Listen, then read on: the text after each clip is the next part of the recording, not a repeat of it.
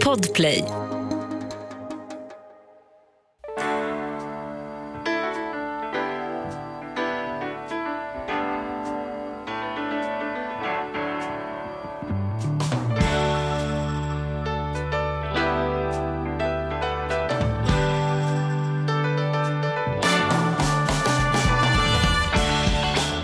Och välkomna till Ekonomi på riktigt med Charlie och Mattias. Den här veckan är det ju vårat sommarspecial. Ja, det är ju det. Det kan bli flera sommarspecial, men det här är det första Ja, sommarspecial. det här är inte bara special. Det här är ett special special. Ja, det här, eh, till att börja med ska vi säga så här då, att den som lyssnar på, på Ekot här, att ibland sitter vi din, eh, ute i din trädgård, ibland har vi suttit på, på eh, mitt sommarställe, men idag har vi förflyttat oss till ett palats i Italien. Det är inget skämt, det är faktiskt så att vi sitter i ett palats i Italien och gör dagens podd.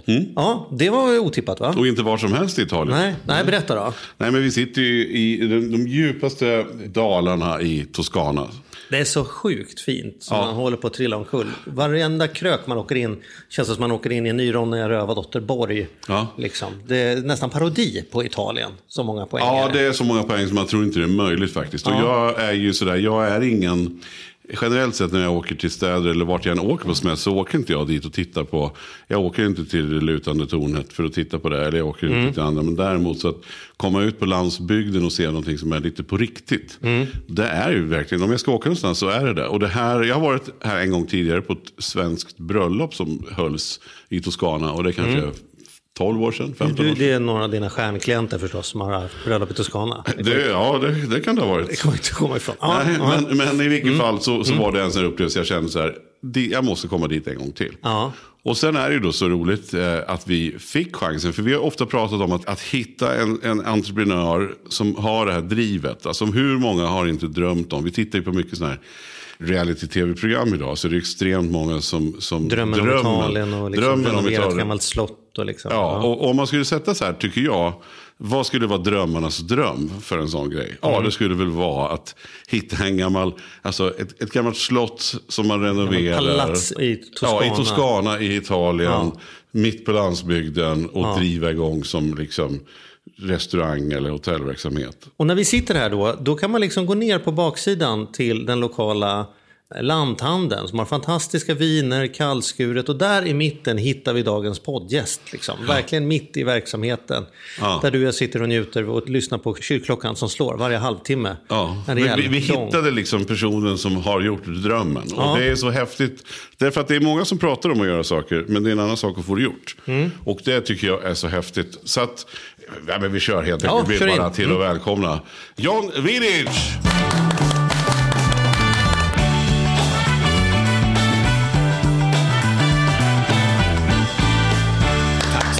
Uttalar jag efternamnet rätt?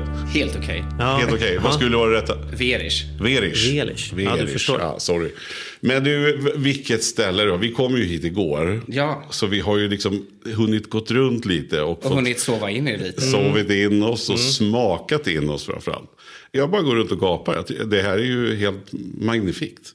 Tack så jättemycket. Vad roligt att ni tycker det. Ja. Vi öppnade ju faktiskt bara för ett halvår sedan, så det är ju ganska nytt allting det här. Så det är ju väldigt roligt när alla gäster kommer och man får fortfarande liksom kommentarerna. och Så, för det är ju så att man har liksom inte riktigt hunnit vänja sig än vid att liksom det är igång och att det fungerar. Det känns fortfarande som projektet är liksom i startfasen. Ja.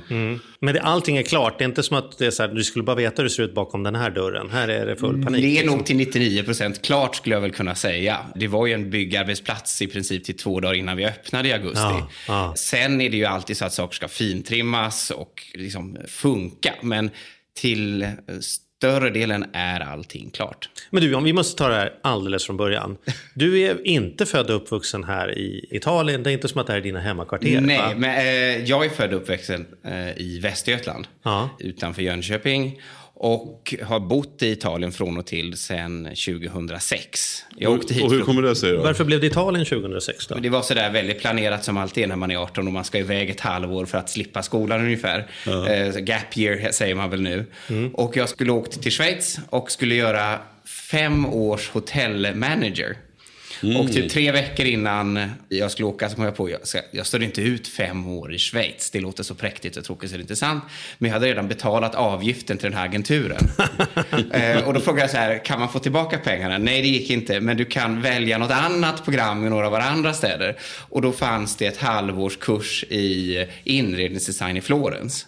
Och det, så här, det lät ju jättebra. Så jag åkte ner till Florens och gick detta halvår, trivdes jättebra. Och sen helt enkelt blev kvar. Och då kunde du inte italienska? När du... Nej, jag kunde inte ett ord italienska. Nej. Så att jag hade... Och vi hörde dig i, i morse när du eh, instruerade eh, bybor som kom här och du ska hjälpa med någonting. Och då märker man ju att den där italienskan, den har du ju satt i alla fall. Jo, men det jag har ju bott här som sagt i mer än 16 år. Ja. Så att den har väl satt sig nu. Och sen var det så att alla mina studier var på italienska, men jag kunde ingen italienska. Så jag fick plugga italienska på lunchrasterna första åren. Wow. Ja. Så till slut, det tar ju ett antal år, men till slut så blev det ganska... Men, men när kände du, vilket tillfälle då, att, att det blir nog Italien, det är här jag vill, det är här jag vill vara? Rimligt hade varit att liksom. du åkte hem efter ett halvår och sa Ja, jag gjort men det. jag trivdes så väldigt bra och jag hade liksom så väldigt roligt får man väl säga också. Jag var 18 år och hade mest roligt hela tiden i Florens. Och eh, jag pluggade vidare, läste ett halvår modedesign, var inte för mig. Sen började jag läsa konsthistoria och sen efter ett antal år när jag hade liksom varit här så sa mina föräldrar liksom, du måste ju ha något att göra i alla fall när du är här. Du kan inte bara liksom ha roligt hela tiden. Och i samma veva så såg jag i en lokal tidning att den äldsta engelska bokhandeln skulle stänga ner. Och då sa vi vad tråkigt. Så jag köpte den. Så jag drev i sju år en engelsk bokhandel inne i Florens och bodde i Florens. Wow. Och mitt under detta så började mina föräldrar prata om att de skulle vilja vara med i Italien också. Och vi hade en trevlig lägenhet inne i stan men liksom, de bodde på en bäddsoffa hela tiden. Så vi började titta omkring på en, eh, efter ett sommarställe helt enkelt. Och när var det här i tiden ungefär? Det var 2009, 2010 ungefär. Så det var liksom i efterdaningarna efter eh, finanskrisen. Så priser hade ju sjunkit ganska mycket på landsbygden, men inte lika mycket i Florens. För Florens har ju mycket större internationell marknad. Och så, här. så att för samma pris vi kunde köpa en lägenhet i Florens kunde vi faktiskt köpa ett hus på landet här. Och min mamma hade tyckt det var roligt att ha några olivträd. Det blev eh, ett antal tusen olivträd istället. Så det blev lite mer än vad vi hade tänkt. Vi tittade på ett par olika gårdar och den andra vi tittade på låg här i denna byn där vi är nu. Och var är vi nu då? Vi är i Alltså, San Pancrazio som är en timme söder om Florens, mitt emellan Siena och Arezzo. Och vi hittade en gård som vi tyckte om, som var också i så pass gott skick att man inte behövde totalrenovera den innan man flyttade in. Så man kunde liksom flytta in och sen renovera allt eftersom. Ja, ja, ja. Så vi la ett bud på, på stört på gårdsplanen där och två månader senare så var den vår. Men så att det här är inte som att du har valt ut det här hotellet ligger inte här för att du har Nej. gjort stora undersökningar och tänkt att det här är the sweet spot utan vi sitter på ditt hotell här nu för att du bara råkade hamna i den här Ja, det råkade för att det liksom var någon rå- annons på vi- Hemnet liksom. Vi råkade hitta en gård här och eh, skaffade det som sommarställe. Jag bodde kvar i Florens och drev min bokhandel och var i Florens. Vi åkte ut hit på helgerna, var här mycket på sommaren och så. Och sen efter ett antal år så började vi eh, liksom leta efter lite andra saker och såg att det fanns ett hus i den här lilla byn som ligger några kilometer från våran gård. Eh, Ett uthyrningshus tänkte vi kunde vara trevligt att ha för vi hade mycket gäster och mycket folk som kom och frågade om man kunde bo. Och kunde... Så vi köpte ett hus här i byn. Och precis i den vevan så stängde lanthandeln, den enda lilla butiken och kaféet i byn, ner. Och då blir det ju lite extra klurigt om man hyr ut, hyr Ja, ut men det per blir vecka det. Man kan inte liksom säga till folk att du kan köpa Nej. ett kaffe eller en Så att, då sa vi, då får vi väl köpa lanthandeln också.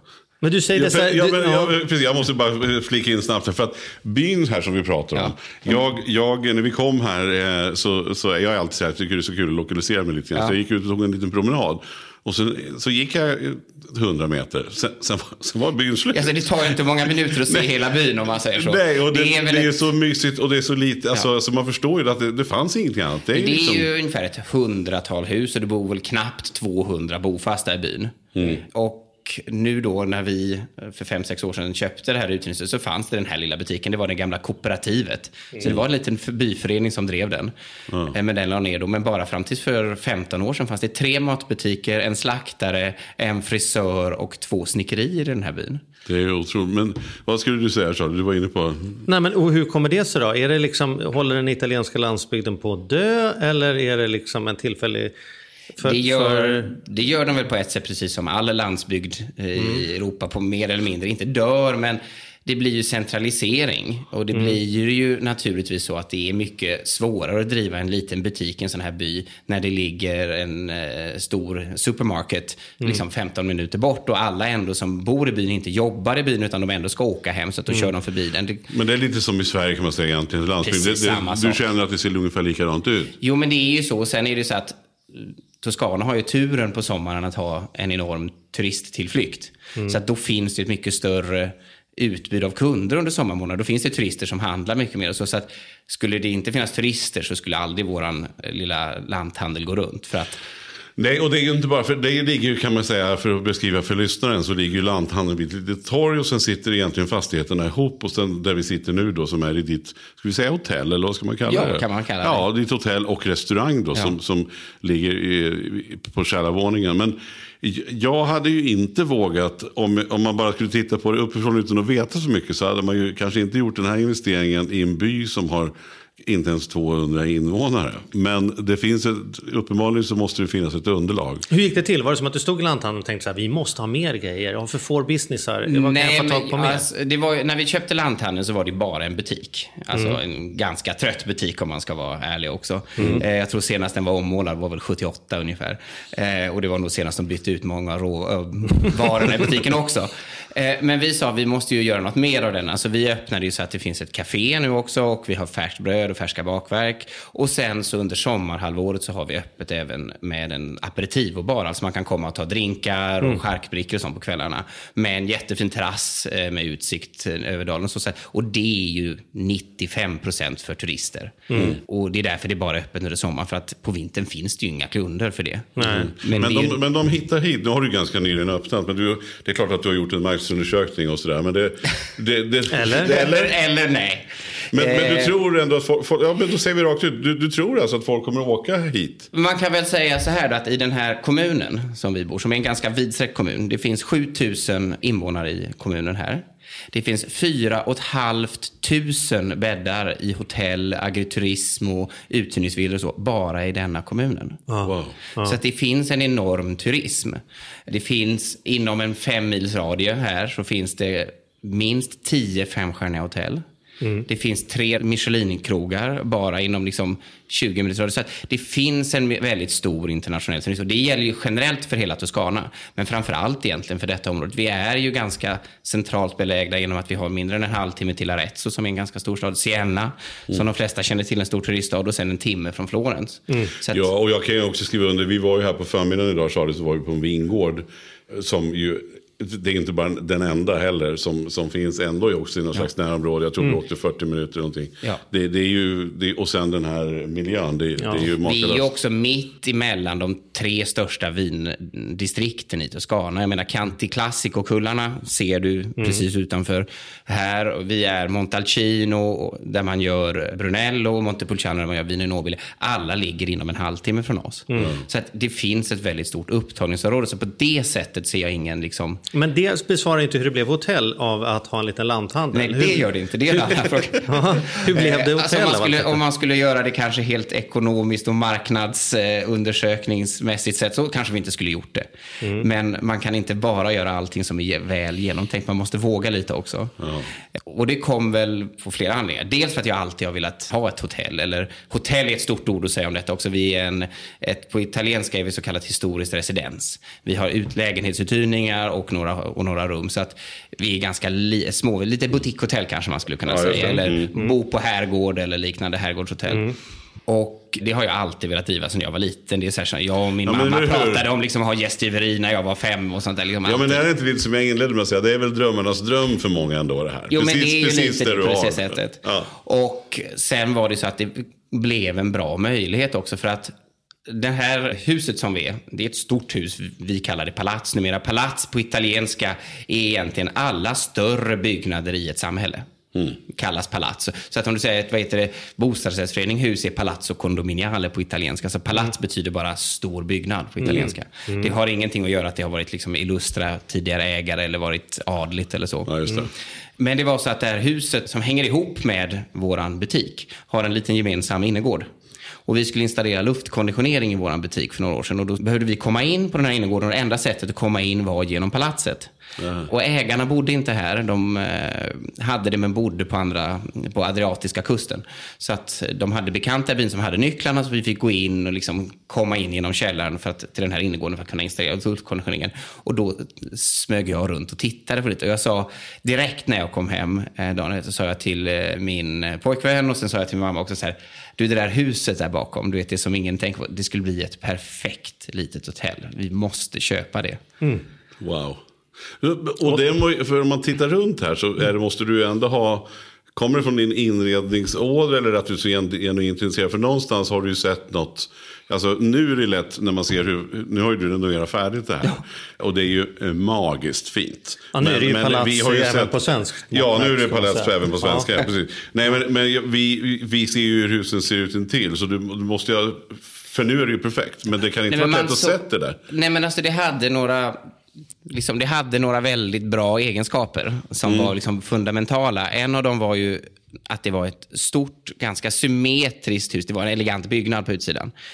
Rummen var alla stora, luftiga. Vi har perfekt söderläge. Det, liksom, det fanns en bra struktur. Mm fanns det. Det fanns det är synd att klaga på utsikten också kan man säga. Nej, det ska man inte klaga Men när är huset, när är huset ifrån? Vad vet du? Eh, 1600 va? Från 1600-talet säger man ungefär, ja. men man vet inte exakt. I, när vi började gräva ut källarplanet så hittade man även medeltida brunnar och man hittade fundament från medeltiden och vad de tror är även liksom romerska lämningar. Så att det har ju funnits i den här byn liksom bebyggelse från liksom romartiden framåt. Och kyrkan tvärs över entrén från där vi sitter, utsikt mot är ju från 1200-talet. Ja, den är från 1200-talet. Och den är, den är fortfarande... konstutställningar idag. Ja, precis. Ja. Den är fortfarande en kristnad kyrka, men används inte för de har en större kyrka på torget. Så att mm. den mest stod och var ett förråd för gammal bråte som kyrkan hade här. Och så vi men... renoverade upp den och fräschade upp den och som tack för det så får vi använda den för att ha utställningar på sommaren. Men nu måste vi ta det där. Så du, du, står, du kommer tillbaka dagen efter och säger, fan, det där måste vi köpa. Jaha. Hur köper man, alltså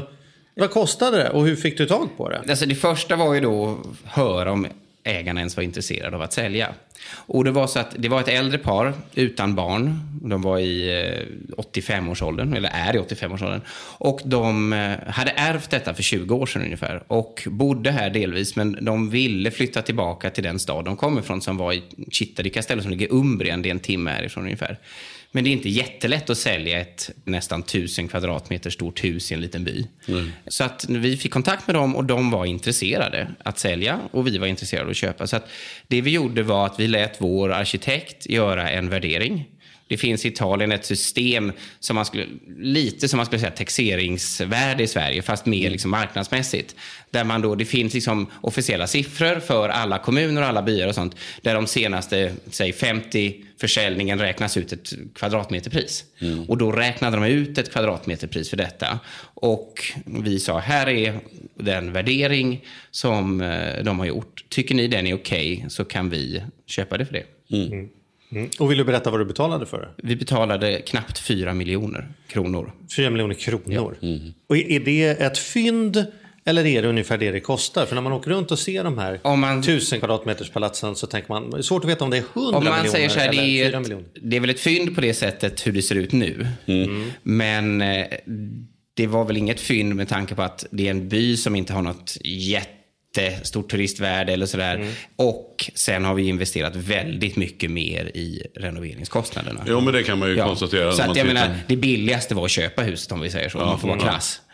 Så att, och det beror ju väldigt mycket på de här priserna. Man kan ju se om man tittar på mäklare astronomiska summor för mm. vingårdar och för slott och sånt. Mm. De kan kosta 10-20 miljoner euro mm. utan problem. Mm. Men det är då så fort de ska ha de här, liksom, eh, de ska ticka alla boxar för utlänningarna. De ska då vara ett stort fint slott, de ska kunna ha lite vinproduktion och allt sånt där. Har de det, då har du ju hela världen som dina köpare. Och då pratar vi om rika amerikaner och, och kineser och eh, saudiaraber. Då, då är det ett helt annat pris. Då är priserna absurda istället. Så att här är vi väl på något sätt, vi är inte intressanta för en, för en rik amerikan att köpa ett hus i en by, utan de vill ha en vingård.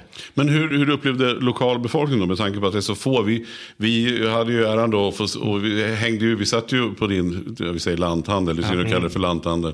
Vad, vad är det du sa? Ap aperitiv? Aperitivo, bara kantinett. Ja, aperitivo. Vi kallar den kantinettan. Ja, det betyder den lilla vinkällan. Precis, mm. vi satt ju i kantinettan igår och det var så trevligt när alla kom förbi och du märkte att alla känner alla här. Mm. Och nu är dag två i vi Buongiorno med alla. Ja, ja, nu har vi träffat ja, ja, och festat ja. Fantastiskt, men då undrar jag hur mottogs det då att någon kommer och blåser ut ett helt hus och grejer? Att... Och, ser man, blir det fram, känner man så här, åh vad kul att någon vill satsa här? Eller nu kommer någon, någon, jag någon svensk här. Jag tror att kantinettarna har varit en väldigt stor fördel där. Att det är så att liksom, vi började ju med att egentligen då rädda, rädda en lanthandel för byn. Och sen har jag, jag är ju där varje dag också. Även att vi har mm. Claudia som jobbar där. Då, alltså, mm. jag har ju mitt kontor där också. Jag hjälper till mycket i butiken. Så att jag har ju den liksom, dagliga kontakten med alla som bor i byn. Det är dit de kommer och köper sitt bröd. Och, tar, och jag gör kaffe till dem varje morgon. Och, mm.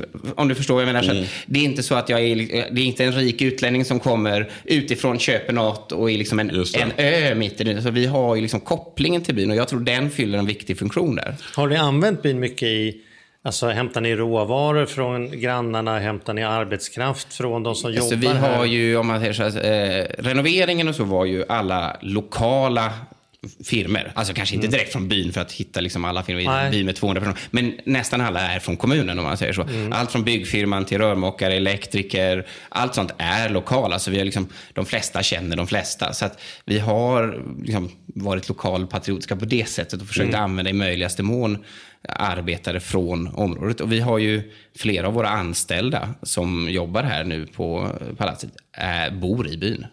Det är fantastiskt. Men, men då tänker jag så här Jon, när, när, vi hade druckit lite för mycket vin igår kväll Mattias och jag så skojar man ju lite. Och så, ja. så här, men vi säger till Jon imorgon så här, du eh, skriv på en liten servett, hur mycket vill du ha för det? Så tar vi, så tar vi över det. Liksom, vad, skulle, liksom, vad kostar det om man skulle köpa, det är tusen kvadratmeter eh, liksom butikshotell här, det är den där. Mattias skulle älska att stå i, i affären här. Ja, så lanthandeln, alltså när jag kom in i lanthandeln, då kände jag någonstans att det, det liksom Ja, jag, jag, fick nästan gåshud. Alltså, och jag som älskar fine här... dining, din otroligt vackra matsal, restaurang där nere. Jag är så sugen på att bara ja, vara med. Men med allt det här utbudet som man drömmer om när man pratar om så här, vad ska finnas i den här lokala mm. lilla handeln. Så hade du ju allt. Det var ju, ja. det var ju till och med liksom allt från eh, lokal gin till fantastisk kalvkött till... Ner till diskmedel. Ja. Till, till diskmedel och eh, fantastisk espresso. Ja, men, ja. Vet, hela ja, men jag var på väg, vi ska inte bara hylla. Jag hade en fråga här. Så två frågor. Nej, jo, men jag visar hur köpsugna vi är. Ja, just det. Ja, ja. Nej, men två frågor.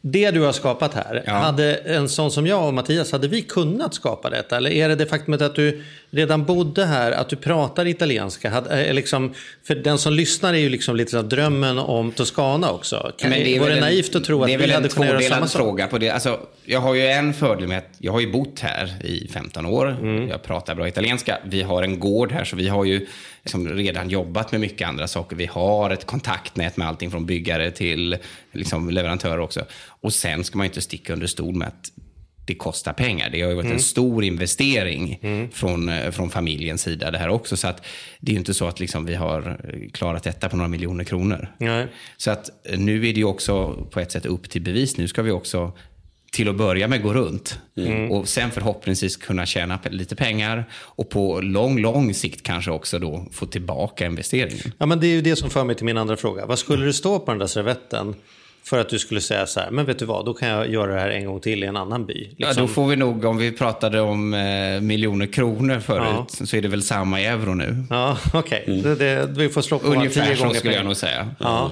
Så, men, men, ja. ja nej, men då, då blir jag ju nyfiken också, för du har gjort, som du sa, då, att du hade den här handeln och sådär. Men hur mm. har, hur har du kunnat få ihop kapital? Har du liksom en, en familj i ryggen som har haft ja, gott om pengar? Så det är ju så att, vad heter det, om man säger själva fastigheten, då själva palatset, och hela renoveringen och så är ju bekostad av eh, min pojkvän som eh, driver ett annat företag. Han jobbar i Sverige, mm. eh, men det är hans svenska företag som har köpt och renoverat det. Ja.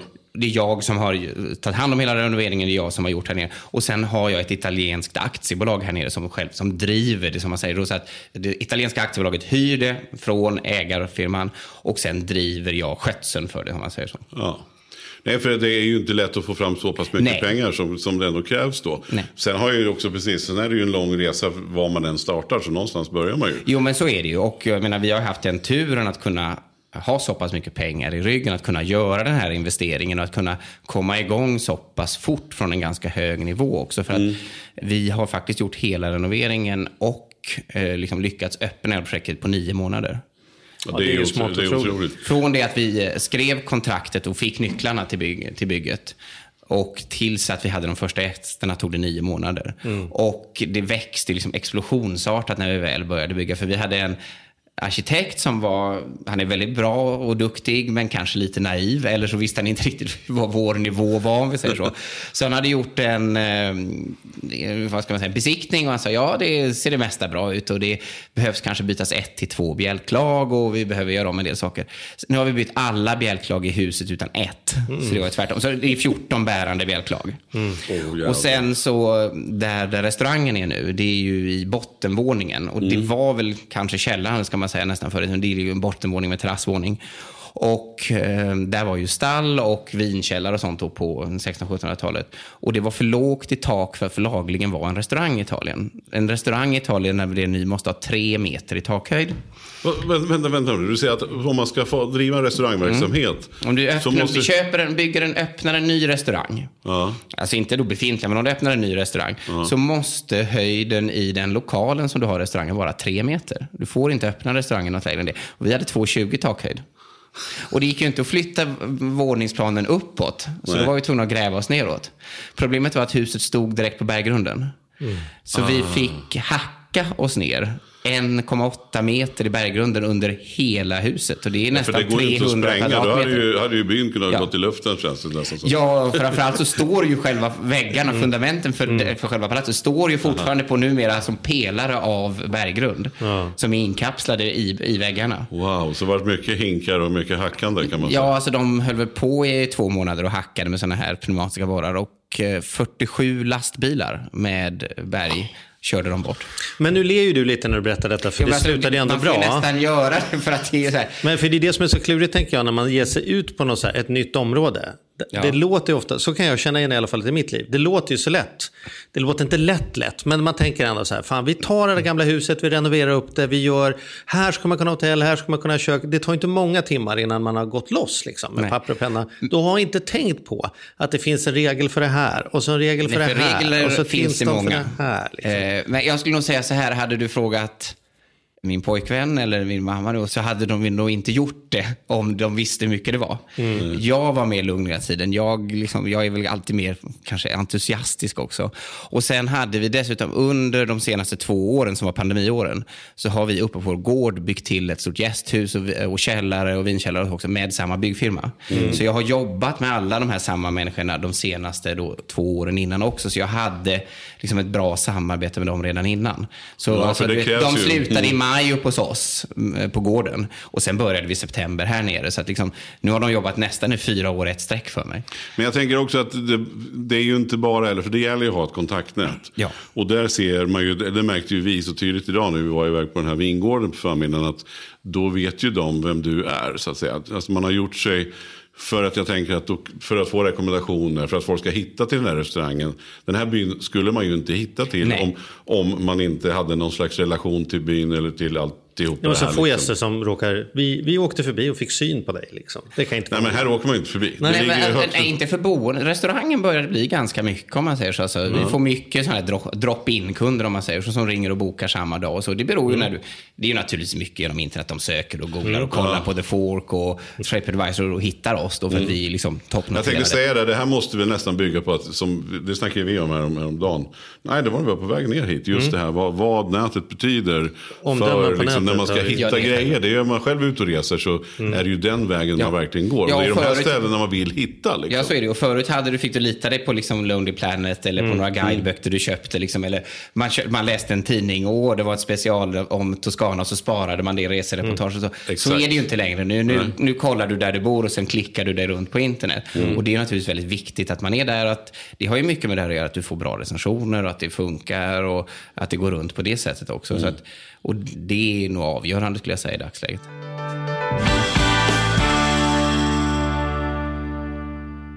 Den här podden gör vi även den här veckan i samarbete med Saveland. Fan mm. vad kul det är att ha dem med ombord. Mm, jätte, jätteroligt. Ja, vi brukar prata om att man har något band som man såg jag stod Bo Kaspers jädrigt tidigt liksom, innan man gjort tv-debut. Och du har något hårdrocksband som du var jävligt tidig på. Ja, alltså jag var på, på Lilla Teatern Göta Lejon och såg Metallica ja. 1984. Så gammal är jag. Och jag var i kontakt med Saveland när det fortfarande var typ tre, fyra personer där från mm. början. När jag fick möjlighet att träffa dem. Eh, och nu är de ett stort bolag, fyller tio år, finns på börsen och jobbar helt enkelt med att vanliga privatpersoner och företag kan investera pengar eh, i eh, lån och krediter. Mm. Så man får riktigt bra ränta. Så eh, det rullar på efter tio år, bättre än någonsin. Fantastiskt kul att ha dem med här i podden. Mm. Gå in, testa, kolla. Vi ja. har en kod som gör att om du öppnar ett konto och använder på riktigt får du dessutom en insättningsbonus just Precis, och vill man veta mer så som sagt gå in på saveland.se. Man kan också lyssna på Ludvig som har varit gäst i vår podd två gånger. Får ja. man en ännu bättre inblick ja. i vad, vad det är de pysslar med egentligen. Men eh, ja, Saveland.se och stort tack. Ett poddtips från Podplay. I fallen jag aldrig glömmer djupdyker Hasse Aro i arbetet bakom några av Sveriges mest uppseendeväckande brottsutredningar. Går vi in med hemlig telefonavlyssning och, och då upplever vi att vi får en total förändring av hans beteende. Vad är det som händer nu? Vem är det som läcker? Och så säger han att jag är kriminell, jag har varit kriminell i hela mitt liv men att mörda ett barn, där går min gräns. Nya säsongen av Fallen jag aldrig glömmer på Podplay.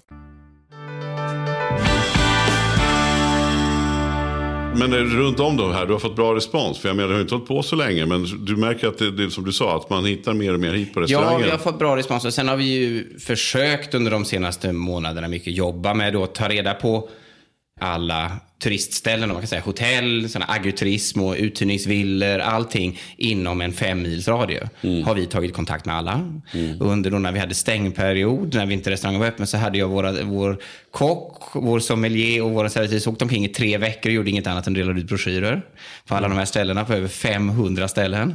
Och sen har vi haft flera evenemang. Vi hade senast nu i tisdags hade vi en middag liksom, där vi bjöd in då ett 20-tal olika hotell och så i närområdet. Vi bjöd dem på middag för att visa upp oss. Liksom, för att mm. också säga att vi är liksom inte här för konkurrens, utan vi måste samarbeta. Alla som jobbar på den här nivån i området måste samarbeta. Mm. För så är det om du kommer och Just bor det. en vecka på ett ställe, så du ät, var du än är vill du inte äta sex middagar i rad på samma hotell. Mm. Utan du frågar, då frågar du receptionen, var ska man åka och var tycker du man ska åka? Och då är det ju så att vi ska vara det naturliga svaret när alla frågar mm. alla receptioner. Mm. Ja. Det är vår idé i alla fall. Men du, vad skulle du säga krävs för att göra detta? Om man sitter och lyssnar, och så så, vad, vad, vad, vad är det som gör att det här blir av? Är det liksom, vad är receptet på att bygga en sån här entreprenör som du har blivit? Skulle du tro? Ja, det är en svår fråga det där. Men alltså, för det, man ska ju vara intresserad. Jag har ju det som, passion låter som ett så pretentiöst ord att säga, men jag tycker det är väldigt roligt. Jag har alltid velat ha en restaurang och ett hotell och jag tycker det är väldigt roligt. Jag har jobbat dels inom resebranschen ganska många år. Jag jobbar som reseguide och sen reseledare, det gör jag fortfarande, för såna här gruppresor, trädgård och restaurang och vinresor och sånt. Mm. Så att jag har liksom på det sättet varit besökt mycket ställen. Jag vet lite vad som att nivån är inte så där hög som alla tror egentligen. Mm. Så jag tänker ofta så här, hur svårt ska det vara? Det här kan jag göra bättre. Ja, mm. ja. Så nu är det väl upp till bevis snarare, skulle jag säga.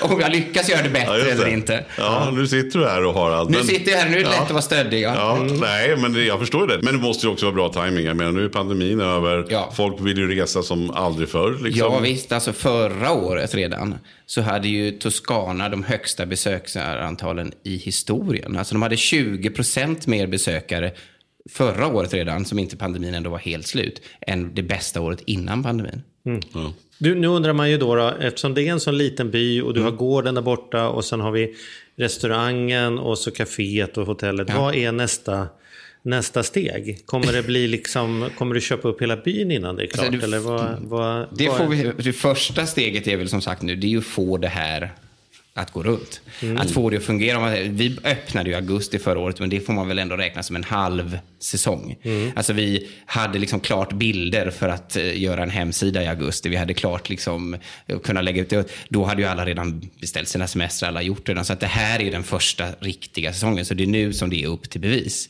Mm. Och det ser ganska bra ut. Vi har 70 procents beläggning under sommaren faktiskt redan på uthyrningarna. Wow. Restaurangen är ju svårt att se så långt fram naturligtvis. Där är det ju mycket kortare liksom, eh, tider som folk bokar. Men det, det bokar på bra. Det börjar, eh, liksom, det börjar, man märker att det börjar komma ganska mycket turister till området. För att den nivå på restaurang som vi är, vi är ju en liksom, i svenska man skulle kunna säga fine dining-restaurang. Mm, absolut. Eh, Ja, det det, är kan man inte så att vi, vi, vi kommer inte hitta de mesta kunderna i byn. Nej. Eller ens liksom de mesta, vi har mycket lokala kunder och mycket som, som kommer i närområdet också. Men det bygger naturligtvis på turister. Mm.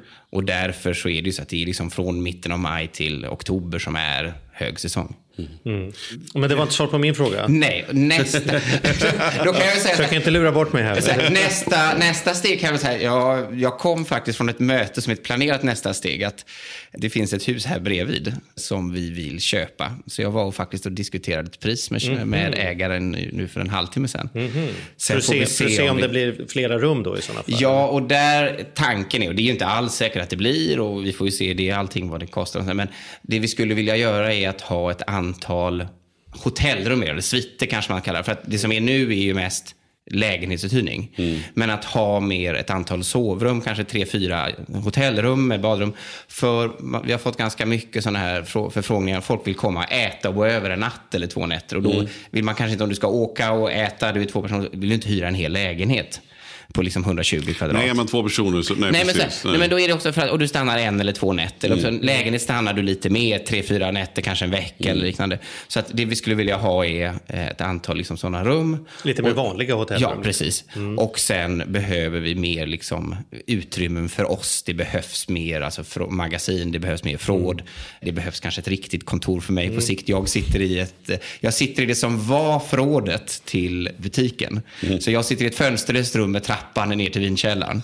Eh, så att det vore trevligt att få ett kontor till slut. Och sen behövs det ett, kanske liksom ett, lite mer bättre sådana, för vi har liksom lite, lite för trångt bakom scenen om man säger så. Ja, just det. Så det vore väl nästa steg. Men det, som sagt, det första steget är att få detta att flyta. Och snurra. Ja, men jag kan tänka mig att det måste vara ett superkomplement med, med fler smårum. Jo, men det är det. Och där har du mycket mer, liksom, det rör på sig mycket mer. Alltså, Mm. Att hyra ut stora lägenheter, där har du mer längre framförhållning och där kanske du hyr flera månader innan.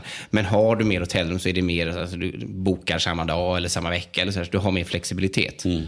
Och det är mycket mer ihopkopplat med restaurangen skulle jag säga. För att det är mycket mer så som man skulle vilja bli det som pratas mycket om, är sån här destination restaurant. Att folk åker hit för att äta på restaurangen.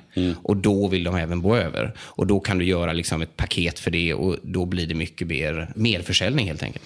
Men Ja, nu men- pratar vi om det mitt i byn, men du har ju ändå byggt pool och trädgård och grejer. Så att, jag menar, det är ju verkligen... ja, och det tror jag också är väldigt viktigt. Om du nu är här och är fyra personer och hyr en vecka i Toscana i sommaren.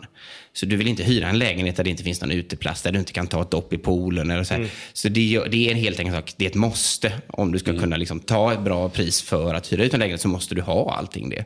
Jag tror väldigt många skulle dra sig när det är 35 grader varmt och hyra en lägenhet i en liten by som inte har ett, en uteplats eller har en pool eller liknande. Men det coola med, med Toscana tycker jag som, som känslan är ju det att som när vi kom igår så var det ju regnigt. Men man känner så när man kommer in här i lägenheten och det är, det är öppen, öppen spis och, och, och liksom, allt som man kan göra med vingårdar så är egentligen inte väderberoende heller. Nej, det är klart det, är inte. inte som att man bor nära Medelhavet för då är det kanske ännu mer måste att det ska vara fint väder. Ja. Det ska vara, jag tänker att det här borde även funka, kunna funka ganska bra på vintern. Ja, och det funkar ju. Vi är ju öppna även på höst och vinter. Så vi är stängda någon månad eh, i eh, januari, februari ungefär. För att då är det väldigt låg säsong. Men vi är öppna över både jul och nyår bland annat. Vi hade väldigt lyckad nyårsfest. Här. Vi var, fu- det var fullbokat, det var 30 personer som var på middag här. Och det var, alla ut, lägenheter var uthyrda och så. Så att det funkar ju även på vintern. Huset är ju liksom välgjort. Det finns öppna spisar i alla lägenheter och det finns kaminer. Så att det är, du kan ju bo här året runt. Men det är klart att Toscana är ju för många också det där liksom, det är varmt, härligt och du kan äta goda middagar och ligga vid poolen. Så att det är liksom på något sätt ett komplement som behövs. Ja, nej, för i alla fall, jag vet inte, du Charlie är ju mer väder... eh, Jag tycker ju bara, alltså jag gillar inte att blir för varmt helt enkelt. Nej, du gillar inte när det är- alldeles utmärkt. Ja. Det behöver inte vara några 30 grader för jag ska trivas. Nej, jo, men för mig är det också att det gör inget. Det kan vara 40. Jag, kan, Ja. jag trivs i alla fall. Jag, jag är ju i Malaga i vanliga fall. Där kan det ju vara 40 Nej, och det är ju det, så visst, om det, här på sommaren blir det väl, augusti, det är ju, det är ju inga problem att det blir eh, mellan 35 och 43 Mm. grader på sommaren. Och det är ju varmt mitt på dagen, men kvällarna är ju underbara. Alltså det är en dröm att sitta ute på terrassen och dricka en, en Aperol Spritz och se solen gå ner. För att Ja visst, det är 42 grader varmt på, sommaren, men, eh, på dagen, men det är ju 26-27 på kvällen och det är alldeles underbart. Så mm. det har ju vissa fördelar med att det är jättevarmt också. Så, jag, jag, fick den här totala charmknäcken igår när jag gick runt. Jag tog inte en sväng här sen på, på kvällskvisten innan, innan vi var ju också och, och fick äran att käka på din restaurang här. Och innan vi gick där, då, då kom det en, en jag vill säga gammal gubbe, men jag får säga att det var, det var en, en, en väldigt gammal man. Ja. Som kom med två hinkar. Den ena hinken hade han ved och den andra hinken hade han ärtor. Ja. Stora fina ärtor. Och så tänkte jag, så vet man bara känner sig en gammal på tal om det här med local ja. liksom. Och sen så, du får rätt mig om jag har fel, men sen en av förrätterna som vi åt ja. var ju stora härliga gröna ärtor. Kan det ha funnits en koppling där? Just de var nog inte från han, men vi har ju egen köksträdgård också till restaurangen uppe på våran gård. Mm. Så vi, mycket av eh, liksom, grönsaker som kommer från, vårt eget, eh, från vår egen odling. Naturligtvis inte allt, mm. för att det går inte, det funkar inte liksom med allting som ska passa i på säsong och så. Men eh, Väldigt mycket producerar vi själva också. Vi har ju även liksom egen olivolja från egna odlingar. Vi gör egen honung från egna bikupor. Så att vi försöker göra så mycket lokalt som möjligt och vi köper in mycket från lokalt. Mm. Naturligtvis mycket viner och så också, men det är inte svårt att vara lokal och kvalitet när det gäller viner när vi bor bland några av de bästa vindistrikten i, inte bara Italien utan i världen.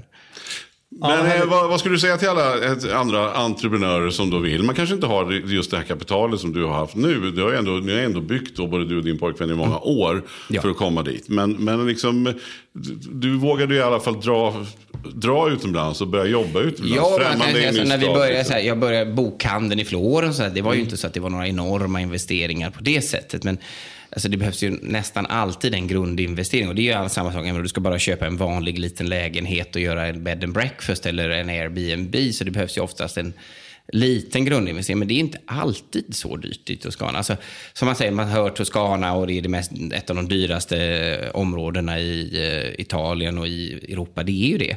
Men det är ju långt ifrån allt. Du kan ju köpa en, en liten lägenhet eller ett litet hus i den här byn för 40 000 euro också. Mm. Och sen, om du har, sen ska du ha lite smak och kunna inreda det vettigt också så att det ser vettigt ut på bilder och kunna marknadsföra lite också. Men jag menar, kan, det går ju att göra ganska mycket mm. utan att man alltid måste ha miljoner. Nej, och man kanske kan snurra runt sin egen kostnad till att börja ja. med, om inte annat. Ja, och det är, det är väldigt du, vanligt. Ja, för det, det var ju också så här, det, man går igång. Och nu, nu vi, återigen, jag refererar till idag när vi var på vingården. Och då, så fort du såg ett hus, Charlie, så var det på det där, det där huset skulle vi ja, kunna. Skulle kunna för att man då skulle kunna ha lite uthyrning. Och ja, och, sen kan man, och så hyr man ut det så att det betalar om kostnaderna och betalar, ja. av, och betalar räntan, liksom, om man säger mm. så.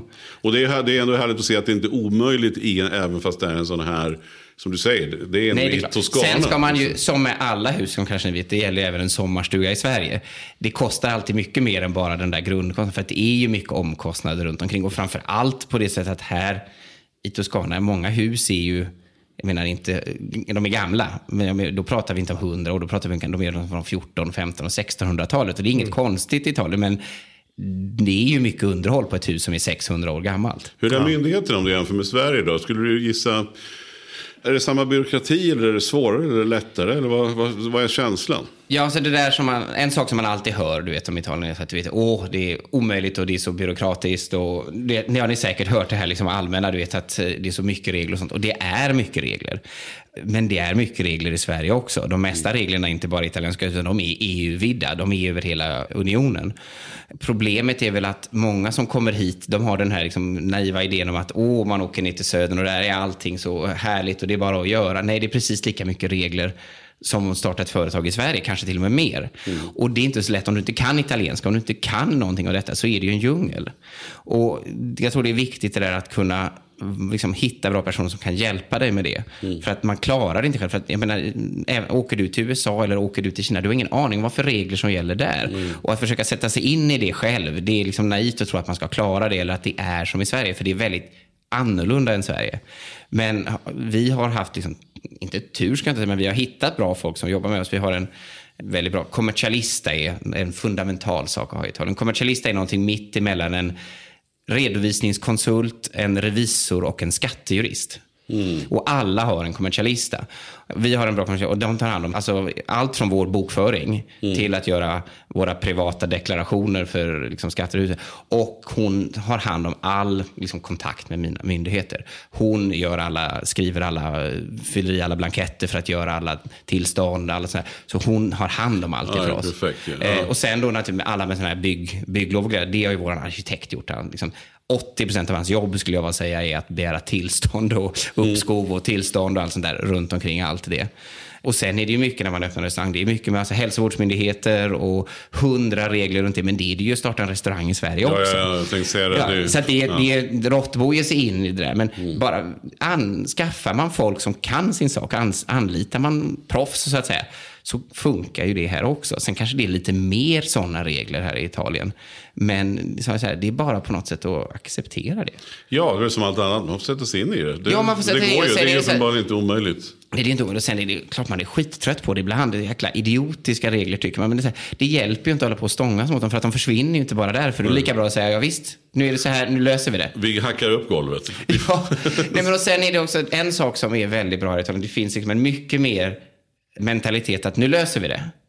Det är liksom inte så att det tar inte stopp bara där. Utan då liksom sätter man sig ner och pratar och man kan ha ett möte med kommunen och man tar hit borgmästaren och man diskuterar. Det mesta löser man på något sätt. Det liksom finns en väldig liksom mentalitet att man går samman och löser problem.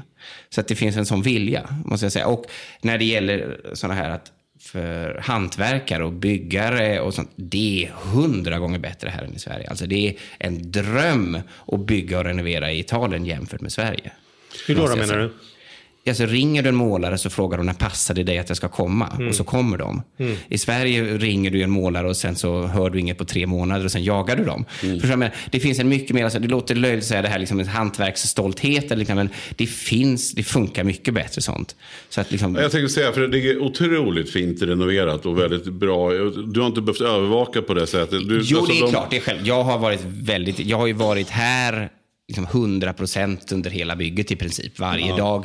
Sen har jag, för butiken ligger, kontoret ligger mitt i bygget liksom. Ja. Så att jag har ju varit på plats hela tiden och det har väl varit fundamentalt på något sätt. För jag har liksom, när vi har gjort allting så väldigt fort, Mm. så har jag ju varit spindeln i nätet lite. Så det är jag som har kopplat ihop byggarna och elektriker och rörmokare och eh, restaurangtekniker och ventilationstekniker och allt sånt där. Det är jag som har skött allting. Så här, och jag har ju varit på som en bandhund får man väl ändå säga. Men, Mm. Men det finns ändå en yrkesstolthet i att det Ja. de gör vill de göra bra. Ja, och sen har det varit så att visst, och då säger de så här, vad heter det, det är sju månaders leveranstid, säger de. Nej, det går inte för jag behöver det om tre veckor.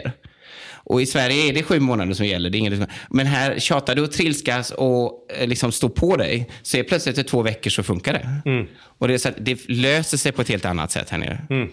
Ja, men någonting jag också tar med mig det är ju, alltså som alltid när det är en dröm som flera människor vill uppfylla på, att det börjar ju stegvis. Många skulle ju säga det så här, ja men öppna, liksom ta över en, en konkursad bokhandel i Florens. Det kommer väl inte uppfylla på drömmen. Nej, men det var så det började. det var så det som började. blev en den, sommarstuga, alltså- som blev en uthyrningslägenhet, som blev en Ja, precis. Det är ju många som steg. Och jag menar, de första stegen var ju inte så att vi tjänade några pengar. Nej, så nej. Bokhandeln var väl bra om den ja, överhuvudtaget gick runt. Liksom.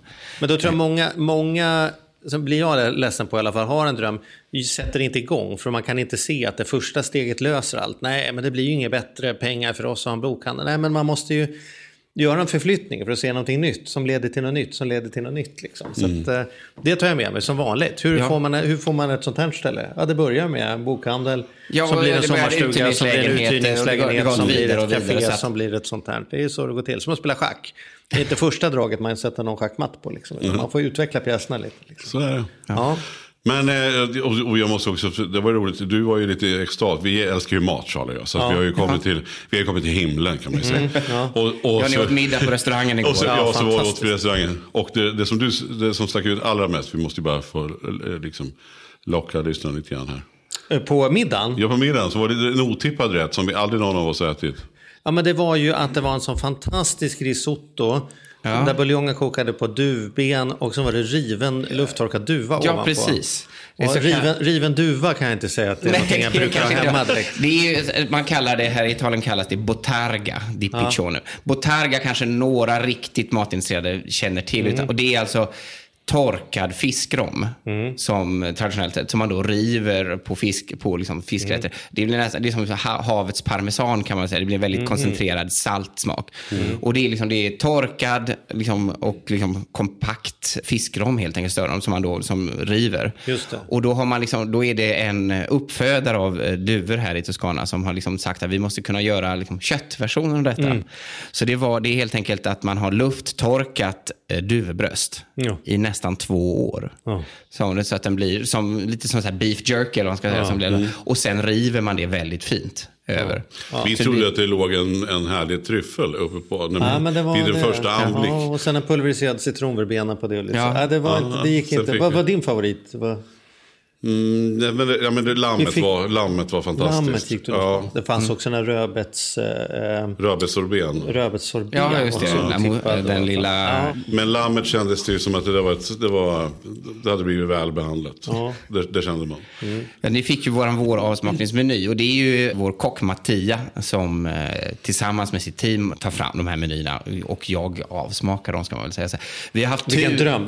Behöver du någon som byter av? Ja. Kan jag komma och Ja, avsmaka? där kanske vi kan passa. Ja, vi kan komma ner och byta av just Det är en bra början helt enkelt. Ja, ja. Man får Nej, men vi har haft tur att hitta bra personal också. Ja, men hur Eh, gör man det? Du säger att det är fullt med Michelin-krogar. Det är liksom massa hotell. Hur får du få tag... Det måste ju vara dammsuget här. Men har man Ja, minsta var talang så måste man vara eh, upptagen redan. Vi öppnade ju upp hela det här projektet under liksom slutsteget av pandemin. Om man säger. Det var ju då förra våren vi började titta på anställda och liksom, eh, få ihop allting. Och då var det så att nästan allting öppnade upp helt plötsligt efter pandemin. Och helt plötsligt var det ju liksom, det fanns inte en kock att få tag på. utan- För att många folk som hade jobbat inom eh, serviceyrken och så hade ju skaffat sig andra jobb under pandemin. Börjat Och sen helt att vara plötsligt- hemma på kvällar och helger. Precis. Ja. Och helt plötsligt öppnar det igen. Och alla restauranger skriker efter personal så att då fanns det ju nästan inga. Och vi tittade runt på lite olika kockar och jag fick, hade väl intervjuer med några stycken. Ingen var direkt intressant. Och sen i mitten av veckan kommer det in en äldre man eller en man i 60-årsåldern i butiken och säger så här och jag bor ju här på sommaren och min son, han är så bra. Han är en jättebra kock. Han ska ni anställa. Och då tänkte jag, du vet, man tänker så här, det låter jättebra. jättebra. ja, ja. Och så letade, letade vi vidare och sen hittade vi ingen. Och så gick det några månader till och så kom han in och sa, men han är jättebra, lita på mig. Jag har jobbat på en av de största, varit delägare och jobbat på en av de största cateringfirmorna här i Toscana i 20 år. Min son är 27 år, men han är bra. Han jobbar på en restaurang i Prato som är en stad utanför eh, Florens. Så jag tycker du ska träffa honom i alla fall. Så jag tänkte liksom så här, när man blir liksom lite mer desperat så gör man ju sådär. så, så att, eh, vi träffades, jag tyckte instinktivt väldigt bra. Han var ju väldigt ung, 28 år är ungt att vara liksom, Ja, kökschef. Men han, jag tyckte han var väldigt trevlig, professionell och han, vi hade samma liksom, idé om mat. Samma vi, alltså, vision låter också väldigt tjusigt. Men så här, samma tankar, samma, vi tyckte om samma typ av mat och han förstod vad jag ville göra för typ av restaurang ganska fort. Och sen skulle, sågs vi några dagar senare och då hade han tagit fram en förslagsmeny som var precis perfekt. Han hade gjort jättefina små akvareller, rit, målat upp varje rätt, hur de skulle vara ritade och så här. Så att det var, jag var jättenöjd. Så att, och jag tänkte, men jag kan inte anställa honom liksom på stört. Jag måste, vi måste ju liksom se om man verkligen kan laga mat också. Så jag sa till eh, några av mina goda vänner som har egen restaurang och vingård. Den vingård ni faktiskt var på vid lunch nu. Ja. Om de kunde åka dit och vara smyggäster. Så de åkte dit åtta personer på lunch och åt igenom hela menyn. Alla åtta beställde olika mat av allting. Så att de åt alla rätter på hela menyn. Och fotade och var liksom hemliga recensenter och rapporterade tillbaka till mig. Och de, han fick liksom tumme upp. Han- Det var godkänt. Så då anställde jag honom. Som tur var så lyckades han övertala en av sina bästa vänner, Samuele, som jobbade på en annan restaurang, en fiskrestaurang, att flytta över och följa med hit. Och han är bara 23. Och de bor då eh, utanför Florens, bodde de, det är en timme härifrån, men då Mattias föräldrar har sommarställe här i byn. Så att eh, liksom, det fanns ändå en koppling. Han hade varit här hela, alla sina somrar och så han hade liksom en koppling till byn. Så att de fick jag tag i ganska enkelt. Och sen behövde ju personal i Servisen, servisen också. Ja. Och då är det en, finns det en Michelin-krog som ligger bara 20 minuter bort här som heter ja, Bottega del Trenta, det kan jag ju säga här. Jag tror inte hon kan lyssna för hon kan inte svenska. Nej, det är bra. Ehm, och där har vi varit många gånger och det är en restaurang som jag, vi tycker mycket om. Och jag har hela tiden sagt om jag öppnar en restaurang så ska jag ha en sån där servitör som han den där Danilo som jobbar där. Så då letade jag upp honom på Instagram. och lyckades övertala honom att eh, komma hit. Så han kom och tittade på det. Han var ju, vi gick omkring, alltså, det var upppackat bergrum där nere i, där vi skulle öppna restaurang två månader senare. Så han såg ganska skeptisk ut. Och han var ännu mer skeptisk för att han hade varit säsongsanställd i sex år på den här restaurangen och fått fast anställning veckan innan, för första gången på sex år. Men eh, jag gav honom ett bra erbjudande, en ganska bra lön. Inte mycket högre än vad han hade där, men en bättre lön. Och eh, liksom, sen förstod han och han tyckte det var ett väldigt roligt nytt projekt. Och han eh, liksom, fick bra kontakt. Jag presenterade honom för Mattias som då skulle vara kökschef och så. Så att han sa upp sig efter, efter en vecka där borta då, med sitt fasta kontakt. Och lyckades få med sig sin servitris också. Har du vågat gå tillbaka till den här restaurangen sen dess? Nej. Vi försökte sträcka ut en liten liksom, fredskvist i förra veckan. När vi, alltså, vi hade den här middagen där vi bjöd in många olika gårdar. Så jag skickade en inbjudan till henne, men jag fick aldrig något svar. Nej. Jag tror det behövs lite inte till. den. Nej, det. Den fredsduvan är lufttorkad och kommer snart att malas över lämplig. Exakt så. Exakt Och sen så. resten av personalen då, alltså, vi har ju två personer till i köket, så de har vi lyckats hitta genom bemanningsföretag. Mm. Så att nu är de, de är sex personer som jobbar i restaurangen, plus då en heltidsanställd i butiken och sen har vi då hjälp med städ och sånt också. Så att det är Ness och såna, eh, som sköter trädgård och sånt. Så att det är väl ungefär mellan sju och en halv heltidstjänster ungefär. Ja, jag har varit helt fantastiska, ska jag säga. De var, ja, det har varit otroligt roligt att se det här. Ja. Men du, Nej, det är bara att lyfta på hatten, som vi brukar säga. Ja, det Tack ska bli mycket. kul att följa den här. Och, och eh, hur gör man för att hitta hit då? Om man sitter och lyssnar och tänker, sen måste jag in och kolla på en bild. Vad är det de pratar om? Ja, då får man väl gå in på vår hemsida eller vårt Instagram. Det är väl enklast. De heter ju Palazzo nu Tiglio får du- kanske är lite svårt att... Ja, bara... nu får du hjälpa till att stava det tror jag. T-I-G-L-I-O. Tiglio. Tiglio. Det Just det. betyder lind helt enkelt, lindlöv. Jaha. Så det är ett lindblad. Så att, Just det, .com va? Och sen har du även ett Instagramkonto. precis, Palazzo Tiglio heter hon. Ja, fantastiskt. Ja, vill man göra en utflykt eh, så, nu kan ju folk tro att vi har betalt för att säga det här, men det har vi inte. Men eh, vi, vi, kan ju bara, vi kan bara lägga oss plats i att det här för mig, om man ska åka någonstans, att få uppleva en, en eh, ja, men semesterpress, alltså, att inte vara mitt i smeten, att få komma ut på landsbygden, man är intresserad av mat och vin. Ja, man är ju i, i himlen här. Ja, men det har ju också varit vårt lite mot alltså, Alla pratar om genuinitet nu för tiden. Men alltså, det har varit ganska viktigt här att det ska kännas Liksom inte genuint, men kännas även lokalt på det sättet. För att det finns så fruktansvärt mycket otroligt tjusiga lyxställen. Varenda lyxkedja i världen har ett hotell eller en vingård. Eller liknande. Allt från Four Seasons till alla de här finns ju här. Och det är ju väldigt tjusigt och lyxigt och bra, men det blir ju ganska anonymt. Och det ska ändå kännas att det är liksom på riktigt. Det ska kännas lite som att man bor i någon, inte någons hem ska det inte vara, men det ska finnas den där känslan att det är, liksom, det är ett genuint eh, toskanskt palats. Och det är det vi har försökt göra. Och sitta på det här torget och ta frukosten i morse. Och, och Bonjorna människor, det var på riktigt kan man säga. Ja, det ja, och det, det, och, det, som- och det är det som jag tycker är så viktigt att fortfarande ha den här butiken. För man har den riktiga kontakten. att Mm. Där är det byborna som kommer och handlar och köper sina grönsaker och sitt bröd varje morgon. och sånt Mm. där. Och det är väldigt viktigt, för annars blir vi liksom en lyxö mitt i en liten by. Och då har vi ingen kontakt med dem. Ja. Nej, fantastiskt koncept. Nu måste vi gå ut och ta en sån här liten kronärtskocksdrink, tänker jag. Ja. ja, den ja. Ja, det, det var det, du. det var en likör som vi såg du hade i din butik. Som Ja, vi ska, det- vad ner, det? som vi ska köpa med oss någonting. Kronärtskocklikör från Cipriani, den är faktiskt väldigt god. Ja, helt otippat. Den ska vi prova nu. Ja, det får bli dags för det nu. det så vi säger eh, tack och bock till våra lyssnare för den här veckan. Ja, Och tack så mycket John för att vi fick komma. Och tack för att ni kom. Det var jätteroligt att ha er här. Ja, vad Ja, härligt. men det här får vi följa. To be continued. Absolut. Nästa år igen helt Ja, enkelt. säger jag. Ja, det är varför inte. Det hörde du i podden först. Vi hörs om en vecka.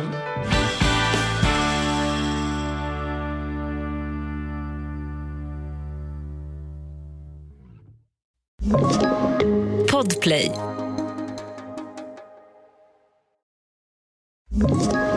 Ett poddtips från Podplay.